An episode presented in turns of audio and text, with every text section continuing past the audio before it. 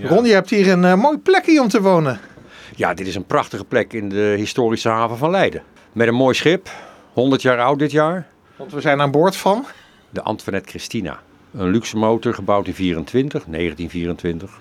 En dit jaar 100 jaar oud. Dus we hebben een feestje te vieren dit jaar.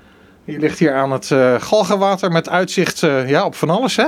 Ja, je ziet hier eh, mooie monumentale panden. We hebben daar de Stadstimmerwerf uit 1612.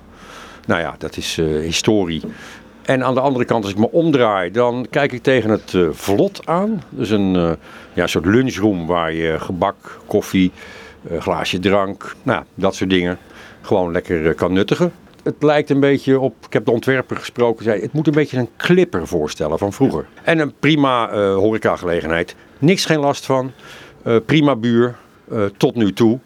Ja, want jullie rust wordt bedreigd. Eh, ja, er zijn plannen van de ondernemer. Die staan dan in de gemeentekrant. Moet je wel iedere keer kijken of daar iets gebeurt. Nou, bij toeval de buurman aan de overkant. Die zag dat er uitbreidingsplannen waren van een nieuw vlot. Toen dachten we, hebben die plannen bestudeerd en bekeken. En toen zijn we ons een beetje rot geschrokken. Want? Kijk, het vlot in de huidige vorm is een meter of ja, 20, 25 lang. Eh, net zo lang als mijn schip. Maar in de plan, in de tekening staat dat hij wel 50 meter lang wordt. En dat er drie keer meer gasten op kunnen dan nu. En, een heel belangrijk punt, hij wil tot twee uur s'nachts open in het weekend. Nou, dat vinden wij een heel slecht idee.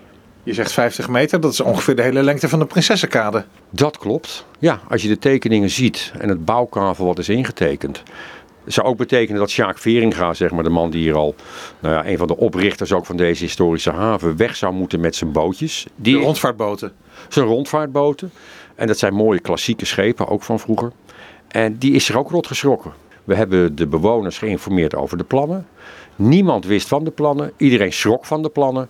En we hebben gezamenlijk een zienswijze bij de gemeente ingediend wat wij ervan vinden. Daar staat er echt een hele lijst namen onder, hè? Daar staan ruim 200 handtekeningen onder. Ik heb ze hier eh, liggen, een Ja. stapel. En de bewoners zijn op zich niet tegen horeca. Want je woont in een stad, in de binnenstad, snap ik. Maar we hebben bijvoorbeeld van de kroeg daar, die is al tot twee uur s'nachts open. Al genoeg overlast en last. Het gaat om verkeersproblemen. We hebben daar bergen fietsen normaal staan, s'avonds laat. We hebben geluidsoverlast, want het terras gaat tot twee uur s'nachts open. Het water draagt heel ver. Als je kijkt hier aan de linkerkant, zie je daar de gevels van het Kortgalgenwater. Ja.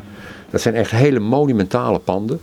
Is ook beschermd eh, door de gemeente. Aan de overkant de Prinsessenkade. Nou, beneden winkels, maar boven ook geen torenflats en glazen puien.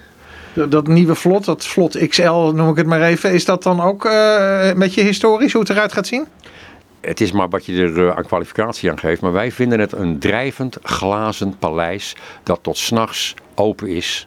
En dat vinden wij niet passen. En we willen best in gesprek met de ondernemer om aanpassingen te doen. Even want Jan detail. Ik heb hem toen ik het hoorde hem eerst even gebeld. Hè, want een goede buur die ga je opzoeken. Ik zei nou Erik, ik zeg, zullen we eens een kopje koffie drinken over je plannen? Nee, geen behoefte aan. Nou ja, dan staat ons niet anders eh, dan de zienswijze in te dienen. En, en dat is eigenlijk een ander woord voor bezwaar, hè?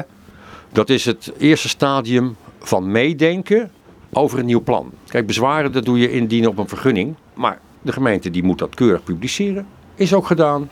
Maar hier gaan we niet mee in zee. In het galgenwater.